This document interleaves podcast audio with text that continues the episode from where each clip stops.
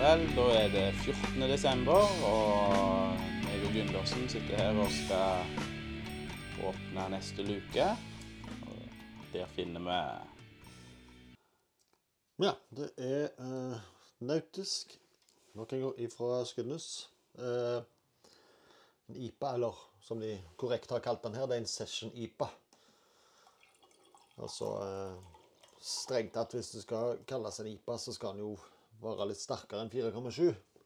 Så da har de lagd seg en del sånt underkategori på en del øl som de kaller for en Session IPA eller noe. Ja. Og det er jo et øl du skal kunne drikke flere av i, i slengen, rett og slett. Ja.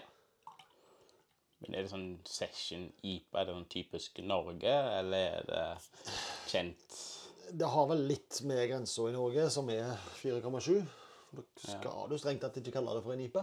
Nei, Så da blir det en lett IPA. Men eh, det er vel litt mer vanlig nå at de prøver å lage litt eh, lettere øl, som du da ikke nødvendigvis blir slått ut ei øl, men du Ja, faktisk kan, eh, kan ha, ha flere i en, i en session, om du skal si det. Altså, Du trenger ikke du trenger ikke stoppe etter to øl fordi du har fått nok. Nei, stemmer. Du ser fargen litt mørkere enn en typisk pils. Ja. Litt mer sånt oransje preg igjen. Å, Lukter Lukter bedre enn jeg husker. Ja. Men eh, jeg tenker meg han er ikke så gammel, den her. Tappa den 19. i 10., ser det ut som, så det er jo relativt ferskt. det. Ja. Det Det er jo positivt med tanke på aroma og smak at det er relativt fersk. Det var 14 dette, så det er jo ca. to måneder, da. Ja. Det var en måned siden. Ja. Jeg vet ikke hva dagen er på en gang. Litt over en måned siden den ble tappa, når vi drikker den. nå. Mm, den var god. Ja.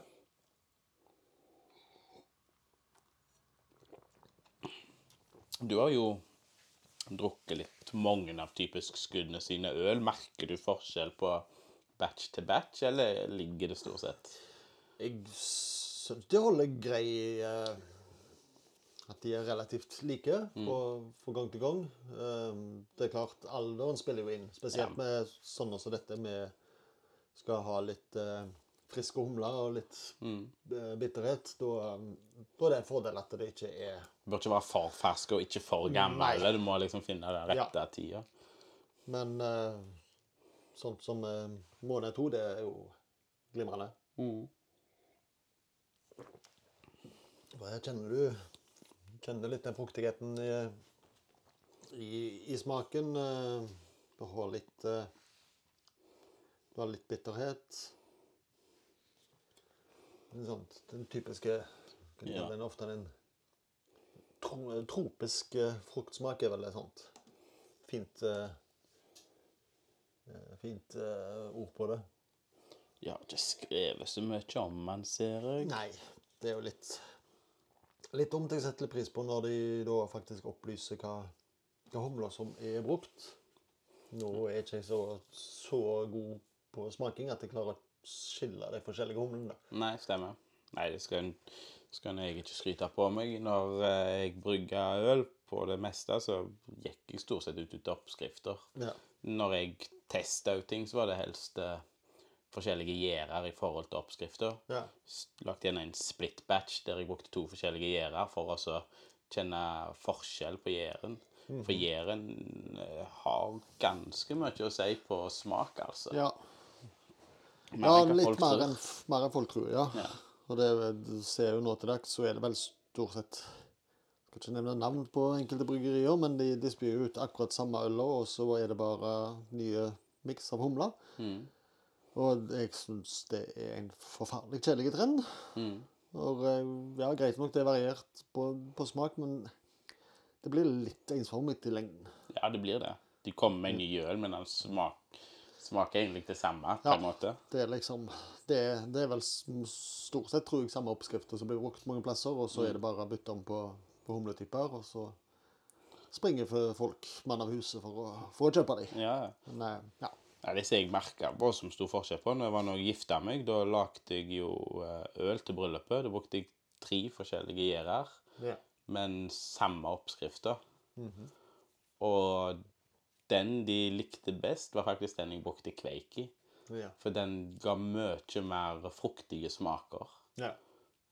Og, og når jeg brygga den med kveik, det var sånn panikkbrygging. Det var liksom, det var 14 dager til bryllupet, og jeg satt der Shit, har jeg nok? Skal jeg ha mer? Eh, OK, skal jeg ha ett brygg nå, så må jeg bruke kveik for å få Ja. det ferdig. sant? Jeg klarte å gjøre det på to-tre dager, og så heiv jeg det på, på flasker. Og, og, og karbonerte det liksom på flasker, og, og da var det klart til bryllupet. ja. Og det var desidert den det gikk mest av, og den folk skrøt av. Så Ja. ja. det er klart det blir feil å kalle det noe nytt, men eh, han har jo fått en ny renes- renessanse nå med kveik. Mm. Og eh, nå har jo veldig mange år der det ikke var hørt, hørt ifra det, men eh, det er klart at det er jo spennende med alle disse gamle tradisjonene å bli tatt opp igjen. ja, ja, ja. Og Alt går i en loop, vel, Ja. egentlig. ja da. Men eh, de var jo redde her for ja, det var sikkert en del år siden nå, da, men det var at kveiken kom til å dø ut. Ja. Og da hadde du jo han uh, nedrente Jæren, eller hvor han var fra? Nei, han gass... Gastrol Nei. Han Lars Marius Garsol. Ja. ja. Han uh, piffa litt liv i det og begynte å snakke og bruke om i brygging og sånt. Og, Ja.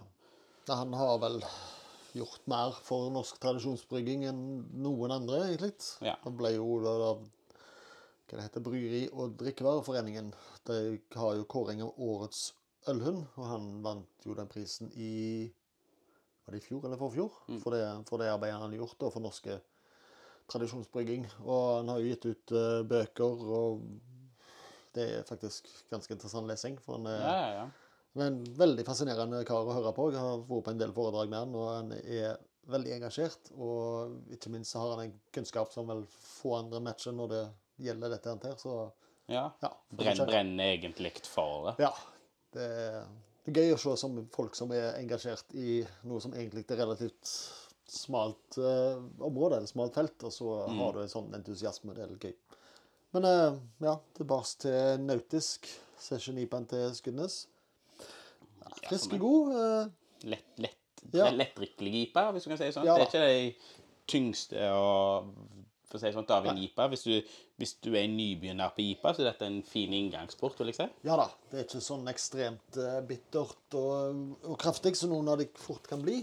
Uh, Så ja, dette er absolutt uh, et godt, godt alternativ til det Ja.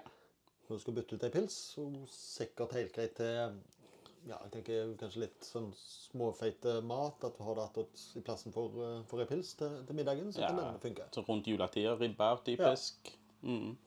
ja, nei, eh, og jeg ville sagt at hvis du skal introdusere den IPA til noen som ikke som kun har drukket Carlsberg, så er jo denne en fin eh, IPA. Få de inn på Introduksjons-IPA. mm, stemmer. Der har vi fått et nytt begrep. Introduksjons-IPA. Ja, skal vi registrere det. Ja, vi får skrive det inn på Untapped. Nei da, men eh, da sier vi Skål. skål, og så snakkes vi i morgen.